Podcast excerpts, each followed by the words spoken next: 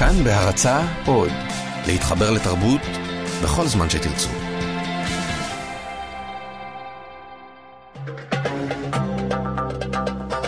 גם כן תרבות. עם גואל פינטו.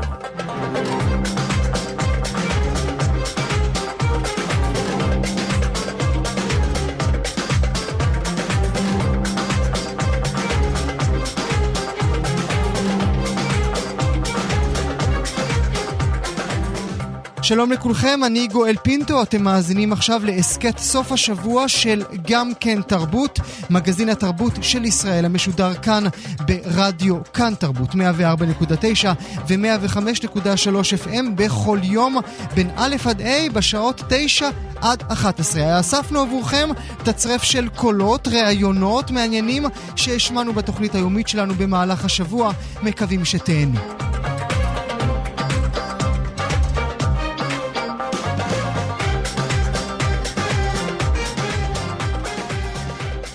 לדקות הקרובות נקדיש לציון 50 שנים למרד הסטודנטים בפריז, שהיה אי אז אה, בחודש מאי 1968. נעשה זאת אה, מכמה זוויות, ננסה לבחון את ההשפעה של אותו אירוע עלינו היום, 50 שנים אחרי. נתחיל עם העיתונאי עמנואל אלפרין. שלום עמנואל, תודה שאתה איתנו. בבקשה גואל. היית אז בן 16. לא, הרבה יותר מבוגר. אני הייתי בצבא אז בארץ, ו... ולצערי לא, לא לצערי לא חווית את זה. לא, אבל אה, טוב, דרך אה, חברים, כמובן שכל אחד מהם סיפר לי שהוא זרק לפחות אבן אחת על שוטר, אחרת הוא לא היה נהנה באותה תקופה. כמובן. אה, ניתן קצת רקע ברשותך, עמנואל. הכל אה, החל ברובע הלטיני ובסורבון, באוניברסיטת הסורבון. שוטרים וסטודנטים נלחמים אחד בשני. זה בעצם מלחמה של עולם חדש, צעירים שדורשים להיכנס אל בתי הספר, הם דורשים חופש מיני, הם, זוכ... הם דורשים זכויות, והעולם הישן שבראשו שרל דה גול. טוב, זאת דרך מסוימת להציג את הדברים, אפשר להראות את זה, להציג את זה בדרך אחרת. מדובר בבני טובים, 95% מהסטודנטים באותה תקופה באוניברסיטאות היו בורגנים טובים, ילדים שלא חסר להם כלום ושגם לא יחסר להם כלום, משום שבתקופה הזאת היה ביטחון מלא שמי שגומר אוניברסיטה ימצא עבודה, מה. ששונה לגמרי היום. הבעיה הייתה שקודם כל, אה, מה שקרה בצרפת צריך לראות על רקע תפיסה בכל העולם המערבי, ולא רק המערבי, אה, גם בפראג, האביב של פראג, mm-hmm. גם ההפגנות נגד מלחמת וייטנאם בארצות הברית. אפשר גם להכניס לזה את uh, מהפכת התרבות בסין. Mm-hmm. זו, תקופ... זו שנה של תסיסה של נוער בעולם מכל מיני סיבות. ומלחמת וייטנאם היא אחת הסיבות, אחת הסיבות למה שקורה בפריז, משום שחלק מהדברים שהניעו את התנועה הזאת אלה הפגנות נגד מלחמת וייטנאם. אבל אמרת נכון, חופש מיני. הטריגר של הדבר הזה היה, של הדבר הזה, של הגל הזה של mm-hmm. מהומות, ש, שנקרא אחר כך מהפכת הסטודנטים, אה, התחיל באחת האוניברסיטאות כאשר ההנהלה סירבה אה, לאפשר לבחורים לבקר במעונות של הבנות. אז למה? מה הייתה הסיבה?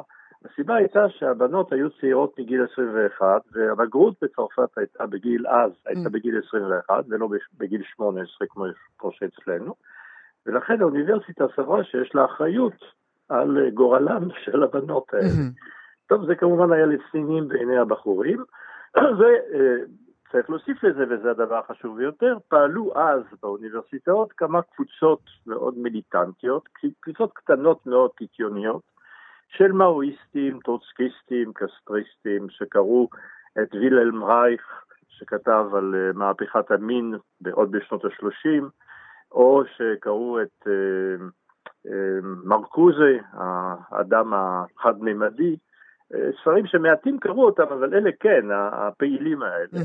והם חשבו שאולי יש פה הזדמנות לחולל איזה שינוי דרסטי. אה, בחברה הצרפתית. הכוונה הייתה באמת לשנות לא רק אה, כמה תקנות של כניסה לאוניברסיטה, אלא לשנות את החיים ולשנות את העולם.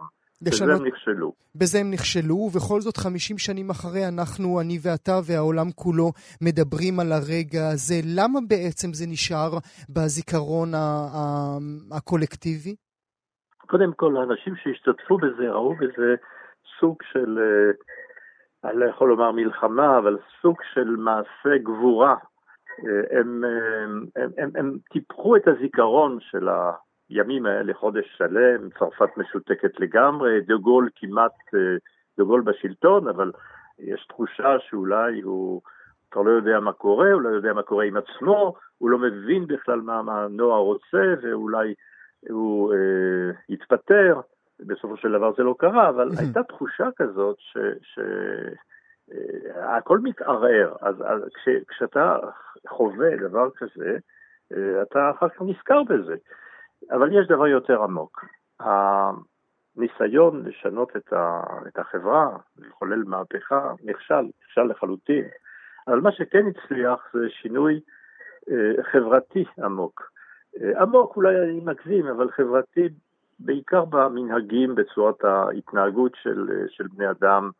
אה, למשל, אמרתי לך, אמרתי לך שגיל הבגרות היה 21 ב-68. Mm-hmm. טוב, מיד אחר כך, או כמה שנים אחר כך, הורידו את זה לגיל 18. Mm-hmm. לא היו, לא היה חוק הפלות ב-68. כעבור כמה שנים היה חוק הפלות.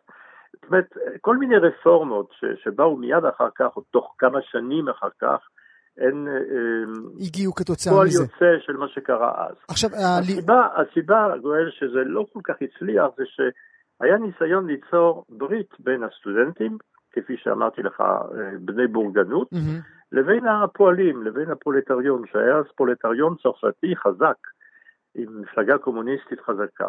והפרולטריון הזה פתח בשביתה.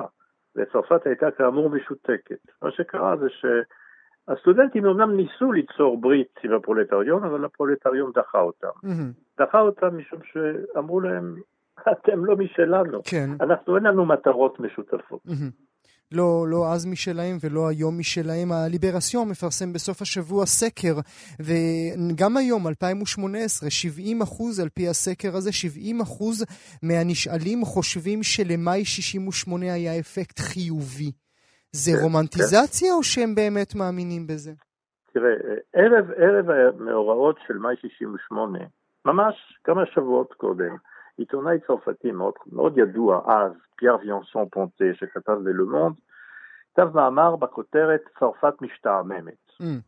למה צרפת השתעממת? באמת זאת הייתה תחושה, תראה, מלחמת אלג'יריה נגמרה, ונגמרה פחות או יותר בסדר, אמנם היו דברים קשים מאוד, אה, כמיליון אה, צרפתים נאלצו אה, לעבור למטרופולין, אבל טוב, המלחמה נגמרה, חיילים צרפתים ותושבים, אה, אזרחים אלג'יראים כבר לא מתים במלחמה הזאת. זה הדבר טראומה חשובה מאוד וקשה מאוד.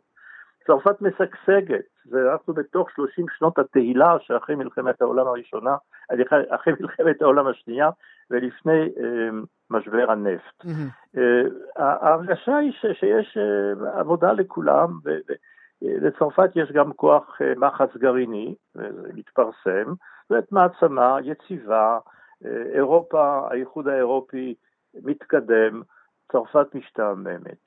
אז אה, למה היא השתעממה? משום שהייתה בנויה על אה, גישה מאוד שמרנית, על היררכיה במש... באוניברסיטה, אבל גם בחיי המשפחה, גם, גם אפשר לומר בפוליטיקה, זאת אומרת דה גול, דה גול, ודה גול עושה בעצם מה שהוא רוצה, יש לו שרים השרים למרותו, mm-hmm. ו- ושום דבר לא יכול להשתנות, זו תחושה של קיפאון. אז uh, בהחלט המאורעות האלה שינו את התמונה. שינו את התמונה. בעיקר בתחום של ההיררכיה. Mm-hmm. התחום, מה זה חשוב שאתה פרופסור? מה זה חשוב שאתה אבא שלי? מה זה חשוב שאתה uh, שר בממשלה? אני יכול לדבר איתך כשווה אל שווה. באמת זה דבר ששינה בצורה די עמוקה את ההתנהגות, את ההתנהלות בין בני אדם בחברה הצרפתית. זה יפה, ונסיים ברשותך, אי אפשר אה, לא להתייחס, אה, לדבר על אה, מאי 68 מבלי להתייחס ליהודים שניהלו את המאבק הזה. בראשם חלק, כמובן חלק, דן. מה, חלק מהמנהל, מהמנהיגים היו יהודים, זה mm-hmm. נכון. זה נכון, משום שהיו הרבה יהודים בתנועות הקטנות האלה, אולטרה מרקסיסטיות, כמובן התנגדו למפלגה הקומוניסטית, המאובנת, המאובנת בעיניהם, הם הלכו כבר קדימה, יותר רחוק, מהפכה הרבה יותר רדיקלית. אז זה תמיד היה ככה, תמיד היו יהודים בקבוצות האלה, בכל העולם, זה לא, זה לא רק בצרפת. ואני אספר לך בדיחה, הייתה קבוצה אחת שהמנהיג שלה היה אלן קריבין. אתה mm. זוכר את השם הזה? לא. אלן קריבין. אלן קריבין היה אה, אחר כך מועמד לנשיאות כמה פעמים, mm. ותמיד זכה בשניים שלושה אחוזים מן הקולות. הוא היה בראש הליגה הקומוניסטית המהפכנית. אז אה, אמרו ש... אה, שאלו למה, למה הדיונים בפורום של מנהיגי הליגה המהפכנית הזאת לא התנהלו ביידיש. ואתה יודע למה? כי אחד החברים, החברים קראו לו בן סעיד. אה, ובן סעיד לא יבין את היידיש. בן סעיד לא ידע יידיש. הוא היה יהודי אלג'יראי. כן, בין, בין, בין אה, דני בן סעיד לדני כהן האדום, כמובן הדברים משתנים. עמנואל כן. אלפרין, תודה רבה לך שהיית איתי הבוקר. ביי. אל הנושא הבא שלנו. אילו היה חי, היינו חוגגים היום יום הולדת 162 ויום לזיגמונד פרויד. אה, עם הבלונים והעוגה, איתנו הדוקטור עידו חברוני, המנהל החינוכי של המרכז האקדמי שלום. שלום עידו, שלם. שלום עידו. בוקר טוב. אז נתחיל במתנה, מה הוא היה רוצה שאנחנו, אה, אנשי אה, גם כן תרבות, נביא לו? אני מניח שמן הסתם איזה מנה יפה של אה, קוקאין. קוקאין דווקא, קצת, קצת קשה לי להשיג את זה ברגע זה. הוא השתמש די הרבה, לא הצלחתי להבין בדיוק באיזה מהצורות הוא השתמש, אבל הוא השתמש די הרבה. אה, הוא חשב שזה פשוט משפר את המצב רוח, הוא התעסק די הרבה אה, שנים מהחיים שלו, גם עם מצבי רוח שלו וגם של אחרים. זה, גם משהו שהיה, זה גם משהו שהיה נהוג יותר אה, באותן, באותן תקופות, לפני כמאה שנה. זה היה חדש, הוא ערך בזה ניסויים, הוא אפילו פרסם על זה מחקר. אוקיי, אז קוקאין אין לי בשבילו, אבל נדבר על תרומתו לתרבות שלנו, של כולנו. מה ההשפעה התרבותית שלנו היום, ב-2018? ההשפעה היא עצומה. אני חושב שאי אה, אפשר בכלל להכחיש את ההשפעה שלו, היא כל כך חזקה עד כדי כך שבאמת לא תמיד אנחנו יודעים אפילו לייחס אותה אליו. אה, כי כולנו יודעים מה זה אגואיסט ומי בסביבה שלנו נרקיסיסט, וגם אף פעם לא אנחנו כמובן, כולנו יודעים מה זה לא מודע, אה, כולנו יודעים למה היה צריך לשחרר את המיניות, והאם היא שוחררה מספיק או שוחררה יותר מדי, זו שאלה שמטרידה אותנו תסביך אדיפוס. למי מאיתנו אין תסביך אדיפוס, וכמובן שכולנו יודעים שאם יש לנו בעיות אישיות אז צריך לדבר איתן, עליהן עם מישהו. אה, כל הרעיונות האלה הם רעיונות שיסודם בפרוד. הוא האיש שפיתח את כל הרעיונות והמושגים האלה. אה, וכל זה פורץ החוצה כמובן בספר הגדול הראשון שמביא לו לאט לאט את השם הגדול בפשר החלומות ב-1900. אה, הוא גם מקבל קרדיט על כל אותם דברים שאנחנו לוקחים היום כמובן מאליו בשיח שלנו? זה לוקח זמן. זה בדיוק הסיפור המעניין. זה פשוט לוקח זמן, כי כשהוא מפרסם את הספר ב-1900, אחת הביקורות על הספר הזה היא של איש שצעיר ממנו בעשר שנים, שהוא במקרה גם אחיו, קוראים לו אלכסנדר פרויד. ואלכסנדר הוא אה, פרופסור באותו שלב, זיגמונד רק דוקטור, עדיין לא זכה כבר בן 43, זה גיל לא צעיר כל כך, ואלכסנדר הוא אה, מפרסם רבי מכר, אה, החשוב שביניהם מתפרסם קצת לפני פשר החלומות, וקוראים לו תעריפי רכבות והקשר שלהם למדיניות הסחר. רגע, לאט לאט, תעריפי הרכבות, כן. והקשר שלהם למדיניות הסחר. זה רב מכר. זה רב מכר, כי לא היה להם מה לקרוא? אה, היה להם, אבל בוא נאמר במילים שלנו, זה ההייטק. זה ההייטק, הוא אפילו מקבל פרופסורה בפקולטה לתחבורה. אה, אני אפילו מניח שאימהות באותה תקופה היו מאכלות לבניהם שיגדלו ויתקבלו לפקולטה לתחבורה. ומערכת הרכבות מאוד מסועפת, היא החזית הטכנולוגית של אותה תקופה, ואנשים זקוקים למורה נבוכים, הוא מפרסם מאמרים קבועים בעיתון, והוא עוזר לאנשים בעצם למצוא את דרכם ולבחור באיזה צורה להשקיע ואיך להוביל את הסחורות. או להוביל את עצמם ממקום למקום ברכבות. ו... וזה, וזה האח הבכור שלו. זה האח הצעיר של פרויד. זה האח הצעיר של פרויד, זאת אומרת, הוא קיבל את תהילתו עוד לפני, ש... עוד לפני שאחיו בכלל בסביבה, אוקיי. בדיוק, פרויד המתוסכל בן 43, בשש השנים הראשונות אחרי שהוא מפרסם את הספר, הוא מוכר 351 עותקים. הוא קורס כלכלית, הוא נכנס לחובות כלפי המו"ל שלו. Mm-hmm. זאת אומרת, קשה מאוד לחברה אה, לספוג את זה. החברה שיודעת להעריך מאוד את אלכסנדר פרויד ואת החזית הטכנולוגית והמסחר והתנועה של אנשים ממקום למקום, לא יודעת לקבל, או פרויד יגיד מכחישה ומדחיקה כמובן, את מה שפרויד מנסה אה, לספר לה על עצמה.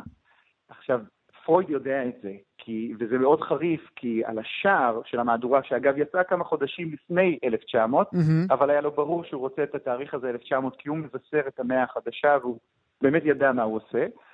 הוא שם ציטוט מהאיינאיס, שזה האפוס הגדול כן. הלטיני של וירגיליוס, והוא שם את זה כמובן רק בלטינית, לא צריך לתרגם, כל ילד בתיכון באותה תקופה יודע לקרוא לטינית, אבל המשפט שהוא בוחר הוא חריף מאוד. המשפט אומר בעברית משהו כמו, אם איני יכולה לחופף את העליונים, אטלטל את השאול. וזה משפט ששוב, כולם מכירים באותה תקופה, כי אתה יודע, זאת הסדרה שכולם צופים בה, אינאיס, זה משפט שאומרת יונו, היא הרה היוונית, mm-hmm. כן, אשתו של רעייתו של זהוס וגם הרבה פעמים אה, יריבתו. אמ, כשהיא מנסה להפריע שוב ושוב לאיניאס, שהוא הגיבור הרומאי, האיש שבא ומארגן את רומא ולוחם בברברים, ומביא את הסדר המאוד גברי ואת החוק הרומאי המאוד אלים וחזק, הוא כובש, הוא מארגן, הוא משתלט, הוא מביא את כוחות הסדר והרציונליות, ויונו ככוח אה, נשי מגייסת כל הזמן, מנסה להפריע לו, אבל כשהיא לא מצליחה להזיז את העליונים, כן, mm-hmm. את האולימפוס, היא פונה ופותחת את שערי השאול, היא משחררת את כל הדברים המטורפים והמסוכנים שנמצאים בתוך השאול. שזה מה שהוא עשה. שזה מה שהוא עשה. שזה וזה, בדיוק מה שהוא עשה. בדיוק. פרויד עומד מול וינה המעוגנת, זאת שקוראת את אחיו באלפי עותקים ורוצה את הסדר של הרכבות, ואומר להם, חברים, אין לכם מושג איזה שאול רץ פה מתחת לרגליים שלכם. או, ש, או, ש, או שיש לכם מושג, רק שאתם לא יודעים לתת לו שם. אתם לא יודעים לתת לו שם, או אתם לא רוצים להסתכל לו בעיניים, אתם לא רוצים לדעת איזה שאול מתרוצץ שם מתחת. בלטינית כתוב שם, אני אפתח את האחרון, כן? אני פשוט אשחרר את נהר השאול, שישטוף בזרם שלו ויוצאים מתוך השאול הכל חוצה אל, אל פני האור. כמובן. וכמו שאמרת, עידו, אף אחד לא רוצה לשמוע, לפחות לא בשנים הראשונות. מתי הרגע שכן האוזניים נפתחות? לאט לאט, אין רגע, אין רגע. זה פשוט תהליך, לאט לאט הוא מתחיל לקנות לעצמו עוד ועוד חסידים, יותר ויותר אנשים אה, מסוגלים להקשיב. אני מניח שמלחמת העולם הראשונה, שגם כמובן השפיעה עליו, אה, יוצרת עוד איזושהי טלטלה ועוד שינוי. הוא אחרי מלחמת העולם הראשונה הרי מוסיף את אה, יצר התוקפנות ולא רק את הארוס. בהתחלה הוא חשב הרי שרק יצר המיניות, הארוס מניע אותנו, ואחרי המלחמה הוא מבין שיש גם תוקפנות באדם. אה, אני חושב שאלה השנים שלאט לאט האוזניים מתחילות להיפתח יותר ויותר ולהבין שבלי הניתוחים שלו אנחנו לא נצליח להבין אה, את העולם שלנו, ויותר מזה אפילו, שכשיש לנו ביד טכנולוגיה כל כך חזקה, אה, להפך, אנחנו צריכים עוד יותר שליטה ועוד יותר הבנה של המניעים והמוטיבציות שלנו, כי אתה יודע, כי בעולם של האינאס, כמה שלא תהיה אדם אה, אה, קשה ולוחם, בכל זאת יש לך חרב ביד. כן. אבל בעולם החדש שמתחיל להיוולד, אחרי זה כבר מלחמת העולם השנייה, שהוא נמלט, נמלט מהנאצים הרי ברגע האחרון, כשיש לך כבר פצצת אטום ביד, אז מספיק מטורף אחד כדי להשמיד חצי עולם.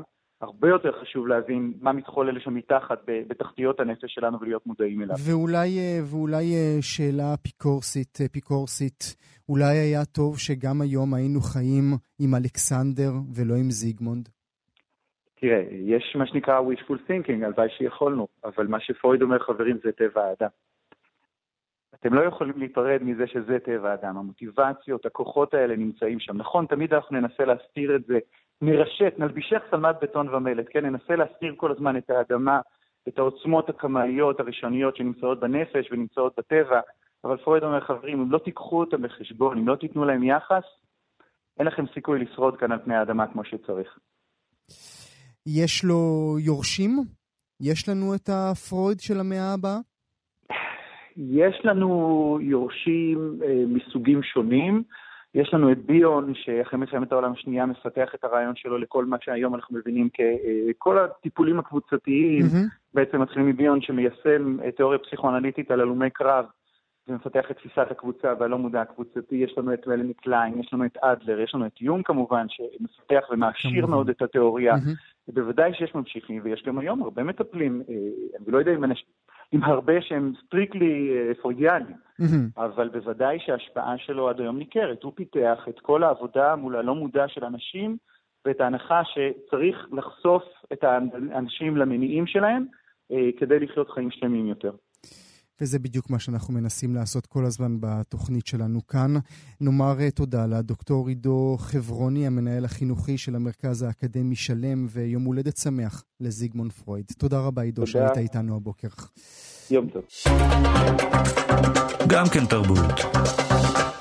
אנחנו היום אה, נדבר על מצבם הפיננסי של אה, שחקנים, שחקנים בתיאטרון שרובם אה, מועסקים כפרילנסרים ללא זכויות סוציאליות. היום הוועדה לביקורת המדינה תעסוק בנושא זה, ועכשיו אנחנו מקבלים הודעה מצד משרד התרבות.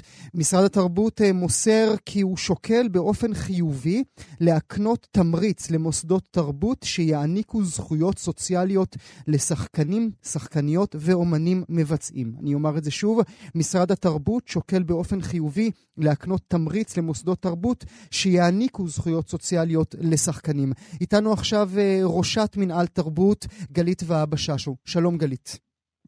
גואל, בוקר טוב. אה, האמת שדי התגעגעתי אליך. לא אני, לא התגעגעת אליי? אני מאוד שמח. עד כמה מצבם של השחקנים באמת רע, גלית? תשמע, אני רוצה לומר לך שאנחנו בתוך עמנו חיים.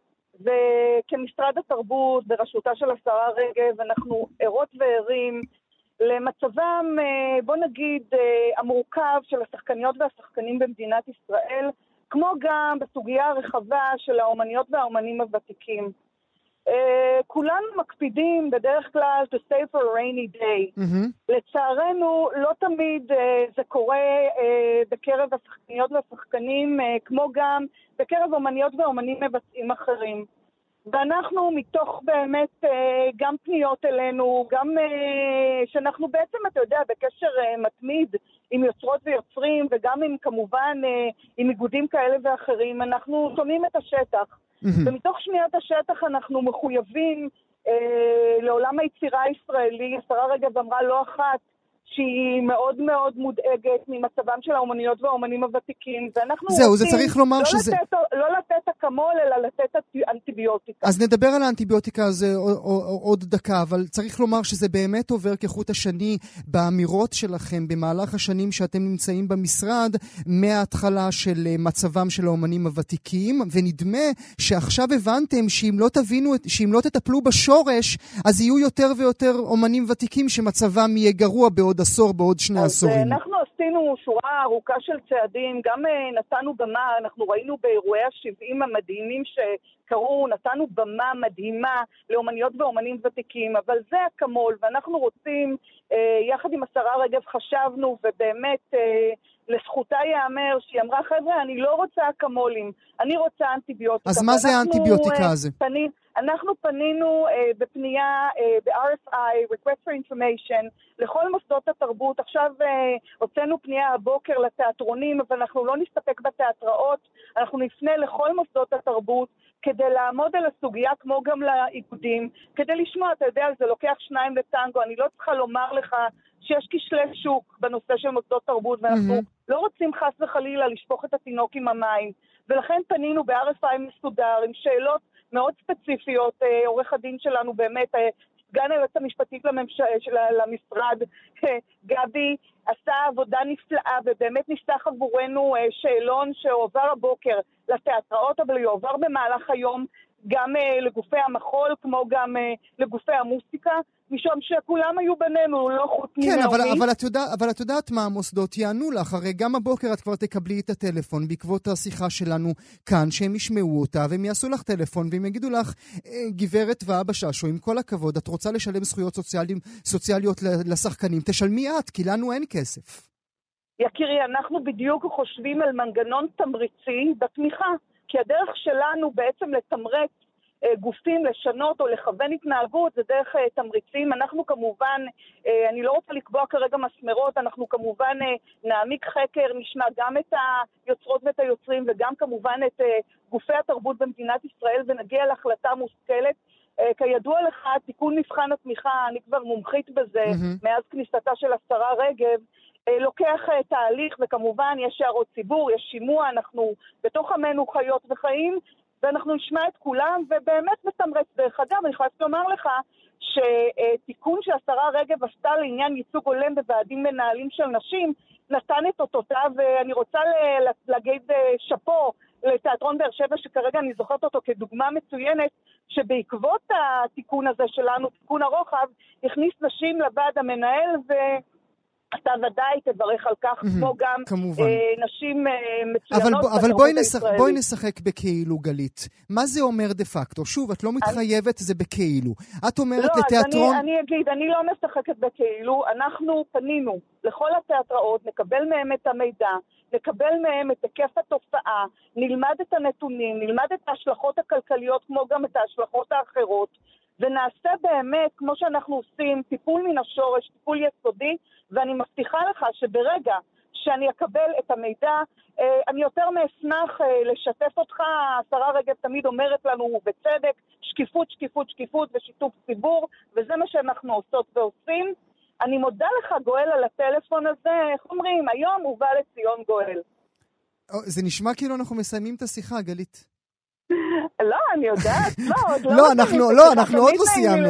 אנחנו. עוד לא סיימנו, גלית. אה, אוקיי, אז זה מצבם של השחקנים. כמה טלפונים בשבוע את מקבלת, גלית, אה, משחקנים שאומרים לך, אין לי כסף לאכול, אין לי כסף לשלם שכר דירה, אין לי כסף לתת לילדים מתנה לחג? האמת שאני שומעת את זה, תראה, אה, קודם כל באמת אני נוהגת להיות מאוד מאוד זמינה, ותודה לאל שזה משהו שאני מאז דרכי אה, במגזר הציבורי מקפידה לעשות, כי הפניות היא דבר חשוב. אני מקבלת אחת לכן טלפונים, אה, דרך אגב, אנחנו כן אה, אה, הגדלנו את התקציבים לקרן לאומנים במצוקה, אבל עדיין זה, איך אומרים, שוב, זה רק אקמול, האנטיביוטיקה חייבת להיות. אה, אנחנו חייבים כולנו לשנס מותניים ובאמת לחשוב, א', על הזדמנויות נוספות לעבודה עבור אה, אומניות ואומנים, מה שאנחנו עושות ועושים, וגם אה, בנושא של תמרוץ, תמרוץ רגולטורי כמובן, מבלי לפ- לפגוע בחופש העיסוק, כי כמו שאתה יודע, אה, חוק יסוד חופש העיסוק מרחף מעל כל הסוגיה הזו. תסבירי רגע את הנקודה הזו, גלית. אני אסביר. תראה, אה, מדובר פה בגופים שהם אה, למעשה גופים פרטיים, שהם לא גופים של המדינה, הם אמנם גופים שנתמכים על ידי המדינה, והם כמובן אה, עמותות כאלה ואחרות, אבל אנחנו חייבים לזכור שכששניים מתקשרים, לוקח שניים לטנגו, ויכול מאוד להיות שיש אינטרסים כאלה ואחרים, גם לאומניות וגם לאומנים, וגם כמובן למוסדות התרבות. זאת אומרת, את לא יכולה לחייב אותם, זה מה אני שאת לא אומרת שומעת לי. אותך, סליחה. את לא יכולה לחייב אותם, זה מה שאת אומרת לי, גלית. אה, אני, לא יכול, אני יכולה לתמרץ אותם, אני לא יכולה לעשות את זה כמובן בתנאי סף. נאמר אה, תודה כלומר, ובהצלחה. אני- תראה, כמו שכיוונו התנהגות ונתתי לך דוגמה מצוינת לעניין של תיקון הרוחב ולייצוג נשים בוועדים המנהלים, ככה אנחנו נתמרץ פעילות כזאת או אחרת, אבל מוקדם לקבוע, אנחנו קודם כל נשב מול הנתונים, נלמד אותם, ואמרתי לך, ברגע שיהיה לי אה, נייר עמדה, אחרי שאני שומעת את כולם, אני יותר מאשמח אה, לשתף את הציבור ולהיעזר בך, גואל. להיעזר בך כדי להשמיע ולשמוע. אני מאוד מודה לך על השיחה הזאת, אה, אז ראשת תודה מינהל רבה, תרבות ושיהיה גלית לנו יום והבה ששו. נפלא ובהצלחה לכולנו. תודה רבה שהיית איתנו הבוקר. ביי ביי. אל הנושא הבא שלנו, אולי אנחנו נשארים בשירה בעצם, נכון נדב? זה אנחנו נשארים בעולמות השירה. את אה, דונלד גלובר אתם בוודאי מכירים בתור היוצר של הסדרה אטלנטה, סדרה שזכתה להלל ולפרסים. פן נוסף באישיותו של גלובר הוא צ'יילדיש גמבינו, זמר ראפ, שהשבוע שחרר את הקליפ לשיר החדש שלו, This is America, וזה הפך מיד מיד מיד לוויראלי, ומדובר בעולם כולו. מדוע? כי בדרכו הגלוברית, צ'יילדיש גמבינו מביא אל המסך מראות של אלימות, ובעיקר שימוש בכלי נשק, מתבונן אל הצופה בעיניים ואומר לו, חלאס. This is America. כדי לדבר על כך איתנו חן רותם, סגול 59. שלום חן, תודה שאתה היי, איתנו. אין, אין על מה, תודה, בכיף. צ'יילדיש גמבינו, אה, נגיד, אה, נגיד, אה, נגיד, אה, אה, ג'ייקל כאילו, אתה יודע, כזה מהעולמות האלה של דונלד גלובר, והוא פשוט עומד מול המצלמה ומשתמש בכלי נשק בדרך הסטואית ביותר שאפשר, כן. וכולם מזדעזעים, כאילו אנחנו לא רגילים לראות באמריקה כל שבוע מישהו נכנס ויורה בילדים בבתי ספר. כן, זהו, אז אה, כמו שכל מי ששומע היפ-הופ הרבה שנים יודע, שכל עשור האמריקאים הם מזדעזעים מחדש מאיזה אה, אפרו-אמריקאי שמדבר או מראה אה, אלימות, רצח ויריות. הם הרבה פחות מזדעזעים כשלבנים עושים את זה בחיים האמיתיים, מהמם. אבל אה, יש לזה היסטוריה, אתה יודע, דיברנו בעבר על NWA ועל טופאק ועל Public Enemy פשוט כל פעם האמריקאים נורא נורא, אה, זה מקפיץ אותם כשמישהו אה, אה, אפרו-אמריקאי מדבר על הנושאים האלה. כי מה, כי הם לא. נעלבים, חן? כי זה איזשהו עצב מאוד רגיש. ואתה יודע, דונלד גלובר גם, סלאש צ'יילדיש גמבינו, הכוח שלו זה שהוא בא מתוך לב הממסד והתעשייה כיום. זאת אומרת, זה בן אדם שזכה בגרמי, כן, כוכב ענק. באמי, זכה בגלובוס הזהב, ו- ומשחק עוד מעט בסרט החדש של סטאר וורס שיוצא בסוף החודש, זאת אומרת, אה, אה, זה לא איזה אומן אה, שוליים, מהמם. זה אומן שזוכה להמון המון הערכה, והוא עושה את הדברים בצורה מאוד מאוד חכמה, שלא לומר גאונית אולי. כן, כמובן. אה, דבר נוסף שאפשר אולי לתת כן. לדונלד גלובר, מה שאי אפשר לתת לשאר הראפרים, שאולי כן. גם, נושא, גם עוסקים באותם נושאים, צריך גם לתת כן. להם את העניין הזה, כן, אה, כן. שיש דרך בה הוא מתבונן אל המצלמה, דונלד גלובר, ואי אפשר למוסס אותו באמירת נו הפושטה כזה. זה לא, זה לא עובד. כי כן, אתה לא, רואה, ברור. אתה רואה שם גבר צעיר, מאוד חכם, מאוד אינטלקטואל, ואתה כבר לא יכול להגיד מה שהוא אומר זה שטויות בלבוש. כן, בדיוק, תראה, הוא גם לא... הוא גם יודע לשחק עם הארכיטיפ או הסטריאוטיפ של האיש, ה- של האמריקאי שחום העור, בוא נגדיר את זה ככה. הוא יודע לרקוד מסביב לסטריאוטיפ הזה בצורה שלפעמים הוא כן כזה, ולפעמים הוא בדיוק ההפך, ולפעמים הוא, אתה יודע, הוא, הוא, הוא, הוא, הוא נשוי לאישה אה, לבנה. בחיים האמיתיים, אה, גם באטלנטה יש הרבה ביקורת, גם כלפי הקהילה האפרו-אמריקאית, הוא לא סוגר את עצמו באיזה סטריאוטיפ של ראפר, אה, ו- וזהו. זאת. אומרת, בגלל זה גם זה, החתרנות שלו היא מאוד מאוד מתוחכמת והיא נוגעת בדיוק במקומות המאוד מאוד רגישים. עכשיו, וזה גם- אומנות, כי זו- וואי, זה אומנות, הווידאו הזה זה אומנות. אז נדבר עליו מעט, אה, לצערי הרב. אה, אה, כן. נדב, אולי תשים לנו קצת מהשיר כדי שנכניס את המאזינים לתוך העניין עצמו. אולי נשתוק רגע חן וניתן ככה כן, למאזינים. רגע ליהנות.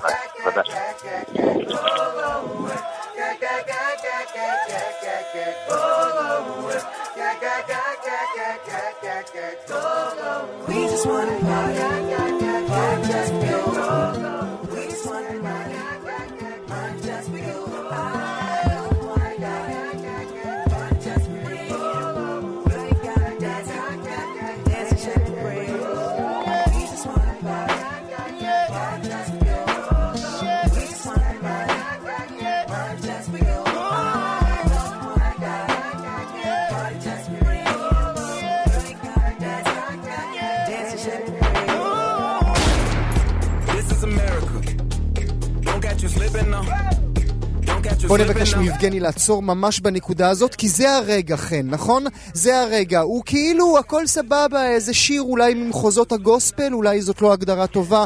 התחלה כזאת, מוזיקה מדרום אפריקה. מוזיקה מדרום אפריקה, ובהמשך יש גם גוספל, נכון. ואז פתאום מגיעה הירייה הגדולה הגדולה הזאת, וזה מין ירייה כזאת בדרך אגב. כן. תראה, תשים לב גם שאתה אה, מדבר כל הזמן על הוויזואליה. זאת אומרת, באמת אני חוטא ואומר, רק לטעמי האישי, השיר עצמו, חוץ מהצלילים האפריקאים בהתחלה, השיר עצמו כשיר, אתה יודע, הוא לא משהו שלא שמענו בעבר, אה, מדבר על המוזיקה ועל ה...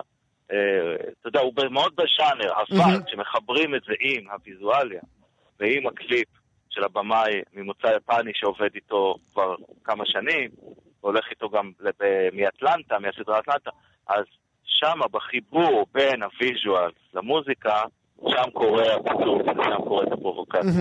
וזה piece of art, ה- הווידאו הזה הוא piece of art, וככה גם מתייחסים אליו בארצות הברית היום. היום כלומר, אה, אנחנו, אנחנו בעולם, חן, שקליפ וידאו אחד של אומן אחד יכול לעשות מה שצעדות עם מיליוני ילדים צועדים ברחובות וושינגטון לא עושה? אה, כן, המיליון מן מרץ. כן, אה, תשמע, היום, אה, תראה, זה די מדהים שבאמת גם בעולם המוצף שלנו, אתה יודע, בדרך כלל אנחנו משייכים את הקליפים אה, ל-80's ול-90's, ה-MTV, אבל כאילו, באמת שקליפ יכול לגרום לפחות לדיון, לדיון ציבורי, ואתה יודע, תוך יממה הוא קיבל 36 מיליון צפיות, ועכשיו הוא כבר 50 ומשהו. הוא איש רנסאנס. מהמם. הוא איש רנסאנס, דונלד גלובר, הוא יודע לעשות המון דברים מאוד מאוד טוב. אה, וכן, רואים, רואים, זה אפשר. יוצא החוצה. אפשר באמת. אה, רק לקוות. נגיד תודה כן. לחן רותם, סגול 59, תודה רבה, ונזמין את. כל המאזינים שלנו אה, לצפות, ממש עכשיו אתם יכולים רגע לעשות עצירה ולצפות ב-This is America של צ'יילדיש. גמבינו. חן, תודה יקירי, תודה שהיית איתי הבוקר. אל הנושא הבא שלנו, ברוסיה מציינים היום במצעד צבאי בכיכר האדומה, במדינות אחרות יש גם מצעדים דומים, גם בישראל, שהיום הזה הוכר בה רשמית בשנת 2000, צועדים בכל שנה, כאמור לנה רוזובסקי שלנו בדרכה אל המצעד הזה. אה, אבל אנחנו נתחיל את השיחה עם ההיסטוריון הצבאי הדוקטור דני אורבך. שלום דני, תודה שאתה איתנו. שלום, בוקר טוב. בואו נתחיל אה, למעשה עם השאלה המרכזית, מדוע היום הכה חשוב הזה אה, עבור היהודים, עבור הישראלים, לא מושרש ב-DNA הקולקטיבי שלנו כאן? אני חושב שראשית כל הזיכרון היהודי עסוק בעיקר בשואה. כלומר, באסון שלנו היה המון המון שנים נרטיב מאוד חזק פה בישראל שהעולם הפקיר את היהודים. לכן אני חושב שיום הניצחון קיבל חשיבות יחסית משנית. כה מזוהה או עם בעלות הברית המערביות, בתודעה היהודית מי שלא הפציץ את אושוויץ למשל, או עם ברית המועצות שהייתה בעייתית מבחינה אחרת. שזה אולי הנקודה המרכזית, העובדה שברית המועצות אה, הפכה לדמון הגדול אה, באזור, אה, ב- ב- ב- בעשורים של שנות ה-60, שנות ה-70, ולכן רצינו או בחרנו להשכיח את התרומה הגדולה שלהם עבורנו. מצד שני, צריך גם לזכור שהתרומה הזאת לא הייתה מכוונת. כשהסובייטים שחררו מחנות, הם לא התכוונו לשחרר מחנות, לפעמים הם התעכבו, באחת הדוגמאות המפורסמות, בגטו לודג', התעכבו ליד העיר כשהנאצים השמידו את שארית יהודי העיר. לא היה ניסיון מצד הסובייטים לעזור ליהודים בשום נקודה שהיא, ואני חושב שיודעים את זה, וזה קצת מחמיץ את התמונה מבחינתנו. אז מה אנחנו מחמיצים? אנחנו מחמיצים, קודם כל, אני חושב, את אחת האירוניות הגדולות ביותר של היום. הסובייטים חוגגים את יום הניצחון יום אחרי שחוגגים אותו במדינות המערב. זה דבר ידוע, בתשיעי במאי במקום בשמיני במאי. מהמם. זה קרה כי סטלין התעקש לעשות טקס פרטי משלו בברלין. באופן כללי, יום הניצחון, איכשהו מתואר ברוס, בברית המועצות, או עכשיו ברוסיה, נגוע בעננה מאוד מאוד כבדה של לאומנות ויהירות של המדינה הרוסית החדשה. מהמם. אני חושב שגם זאת סיבה של לא- אנשים לא- שלא לא- כל כך מרוצים. לא בזכות? לא מגיע להם היהירות הזאת? אני חושב שזה מגיע לחייל הסובייטי, לקצין הסובייטי, אבל כל כך הרבה מזה מזוהם בתעמולה הסטליניסטית, שאני חושב שיש בעיה, ועכשיו בתעמולה הפוטיניסטית, שיש בעיה מסוימת לחגוג את היום הזה איך שחוגגים אותו ברוסיה. אני הייתי מציע לחגוג אותו יום קודם עם מדינות המערב. כי מה? משום שההזדהות עם דיקטטורה טוטליטרית, שאומנם מבחינתנו הייתה טובה יותר מהדיקטטורה הנאצית, אין שום ספק, אבל המיטה על מזרח אירופה שיעבוד של עשרות שנים, ולא צריך לתאר פה את פשעי הסטליניזם גם כלפי העם היהודי. סטלין הרי רצה ככל הנראה להגלות את היהודים מאירופה לסיביר, תוכנית שהשתבשה רק עם מות סטלין, ואנחנו יודעים כמה המשטר הסטליניסטי רדף יהודים. אבל האם, האם, האם ראוי אה, להכניס את הכל לתוך סל כביסה אחד? אני חושב שראוי לציין את התרומה של הצבא האדום לשחרור אירופה, אבל ביחד עם שאר בעלות הברית. ביחד עם הקואליציה שנלחמה בהיטלר במלחמת העולם השנייה. הם ניצחו את גרמניה הנאצית ביחד.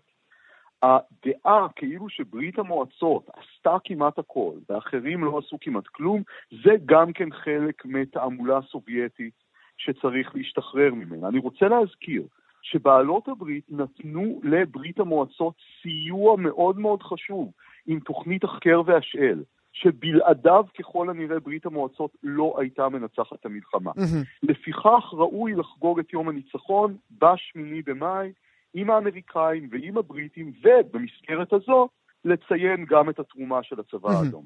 בוא נשים על השולחן אה, דבר אה, נוסף. אולי באמת ההבדל בין אה, ברית המועצות והחגיגות שלהם, הציון הזה של היום הזה עבורם, לעומת שאר בנות הברית, קשור אלינו קשר אמיתי, כי עבור ברית המועצות זו הייתה המלחמה הגדולה, מבלי באמת לשים דגש על השואה היהודית, בשעה, בשעה שאצל בנות הברית יש מקום חשוב מאוד בהיסטוריה למה שקרה לנו ספציפית.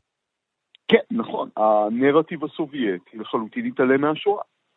הוא הציג את זה כרצח של אזרחים סובייטים תמימים, וכמעט כל ניסיון לציין את השואה באופן ספציפי בברית המועצות, זה לא קרה תמיד, זה קרה בדרך כלל, נתקל בהמון המון התנכלות מצד השלטונות, כמו למשל הנצחת באבי יאר. לקח המון שנים עד שהסכימו לעשות את זה, וגם זה באופן מינורי. לעומת זאת, בעולם המערבי, לפחות מאז שנות ה-60, היה הרבה יותר דגש על האסון הספציפי של היהודים. מהמם. זה גם לא קרה מיד. דרך אגב. לקח איזה 15 שנים, 20 שנה. אז בוא נדבר אה, ביום הזה דווקא על הנרטיב. אנחנו תמיד יודעים שהמנצחים הם אלה שיוצרים את הנרטיב. את הנרטיב של ברית המועצות, אה, שאר העולם וגם אנחנו כאן פחות קונים. חושב שזה גם נובע, בין היתר, מזה שרוסיה כרגע משתמשת בנרטיב הזה באופן פוליטי ציני כדי להצדיק את האגרסיביות של מדיניות החוץ שלה באוקראינה, במדינות הבלטיות ובמקומות אחרים. אנחנו, שאנחנו שמים לב, אנחנו קוראים חדשות. כל מי שמתנגד למה שברית המועצות עושה באוקראינה הוא פשיסט, הוא נאצי, הוא משתף פעולה עם הנאצים. כל מי שמעז לומר למשל שמ-1939 ועד 1941 ברית המועצות הייתה למעשה בעלת ברית של היטלר. נרדף ברוסיה. הנשיא הרוסי הקודם, לפני מדוודב, שהחליף את פוטין, הקים בזמנו ועדה נגד סילוף ההיסטוריה לרעתה של רוסיה. כלומר, סילוף ההיסטוריה לטובתה של רוסיה זה בסדר גמור. כן. ואנחנו רואים שהנרטיב הזה הוא לא נרטיב תמים, הוא משמש ככלי להצדיק מדיניות חוץ מאוד מאוד בעייתית ומאוד מאוד אגרסיבית של רוסיה היום.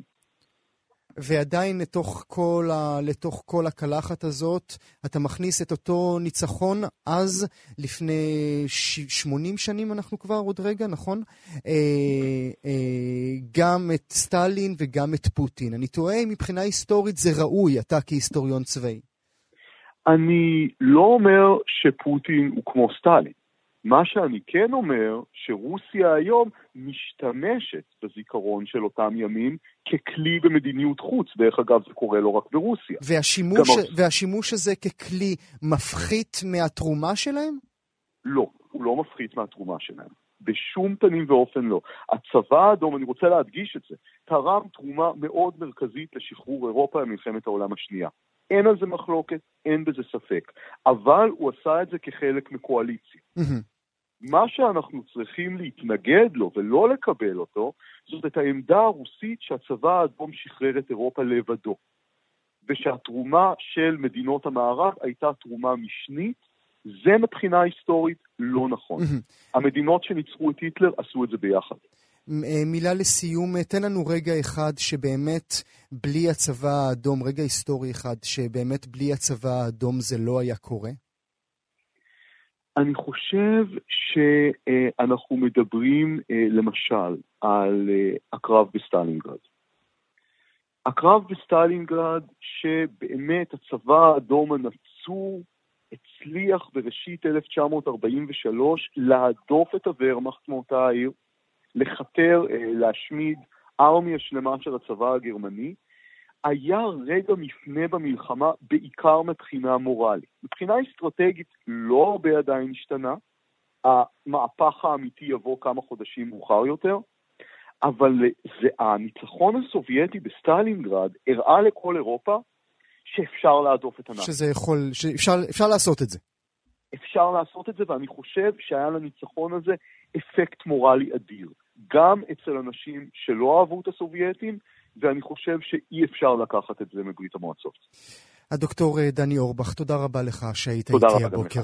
ועכשיו אל הנושא הבא שלנו. אתמול, לפני שלוש שנים, הלך לעולמו הפסל והצייר, חתן פרס ישראל, מנשה קדישמן. לציון מותו התקיים ביום שישי בבית לאומנות ישראלית יום עיון על עבודותיו.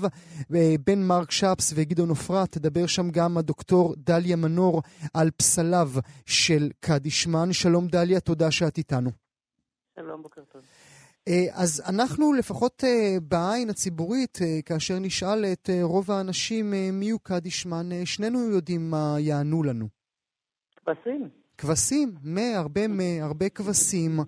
איך השתכחה, איך השתכח אה, כל טנא העבודות הכה רחב וחשוב של קדישמן מהזיכרון הקולקטיבי שלנו? טוב, אה, קודם כל זה גם עניין של כמות, כלומר, אה, במשך זמן. כלומר, בעצם מתחילת שנות ה-80, כשקדישמן התחיל לצייר, אולי אפשר להגיד כבר מהביאנלה בוונציה ב-78, שאז הוא הציג כבשים חיות בביתן הישראלי שם. מאז הוא נכנס חזק לנושא הכבשים, והוא התחיל לצייר. בתחילת שנות ה-80 היו לו תערוכות גדולות, מוזיאון תל אביב ו- ואחרות. וה... עברו, אתה יודע, 30 שנה שהוא מצייר כבשים, אז זה נותן איזושהי מסה גדולה של יצירה.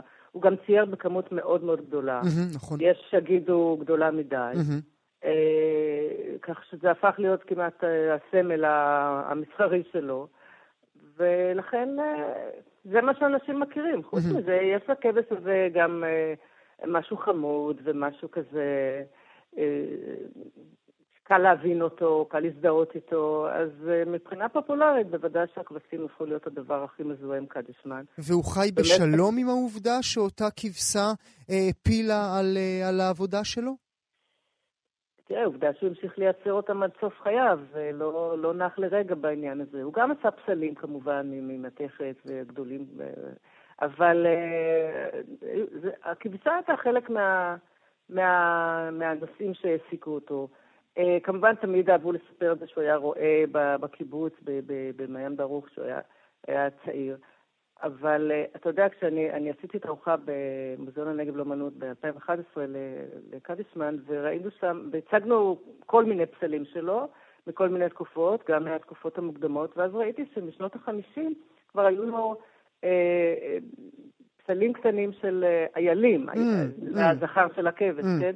אז זאת אומרת שהנושא הזה העסיק אותו באמת הרבה שנים, אבל uh, מאז שנות ה-80 ועד מותו הוא לא הפסיק uh, לייצר כבשים, ליצור כבשים, לפעמים בהקשר של עקדת יצחק, שזה העין, כן. ולפעמים uh, בכל מיני צורות אחרות. אז uh, הוא יצר לעצמו את התדמית הזאת, אני לא יודעת כן. אם הוא לא הצטער על כך. אה, הוא גם יותר. יצר עבור עצמו את הנרטיב הזה.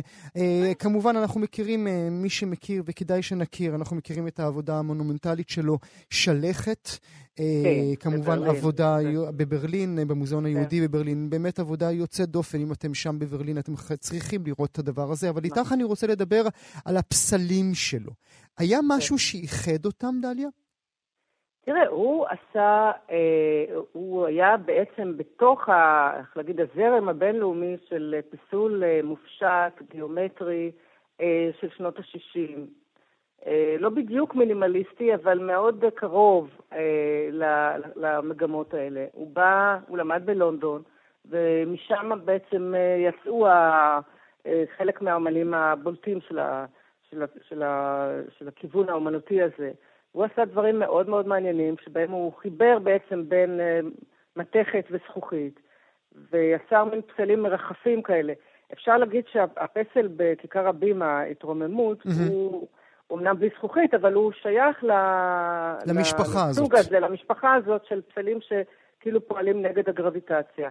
או יש פסל ב- בכניסה למוזיאון ישראל בירושלים, צהוב כזה, שנקרא מתח, שהוא באמת מאמצע שנות ה-60, שמתעסק בזה שעוד מעט זה נופל. כלומר, העניין הזה של אה, להתעסק בשאלות שפיסול מתעסק בהן. מהמם. פיסול, כשאתה חושב על פסל, אתה חושב על משהו כבד ויציב. כן, מאוד. אה, אני זה חושב על המונח פיל. פסל, כן, נכון? כן, כן, בדיוק. אה, כי, פסלים הם תמיד בעצם צריכים את הגרביטציה.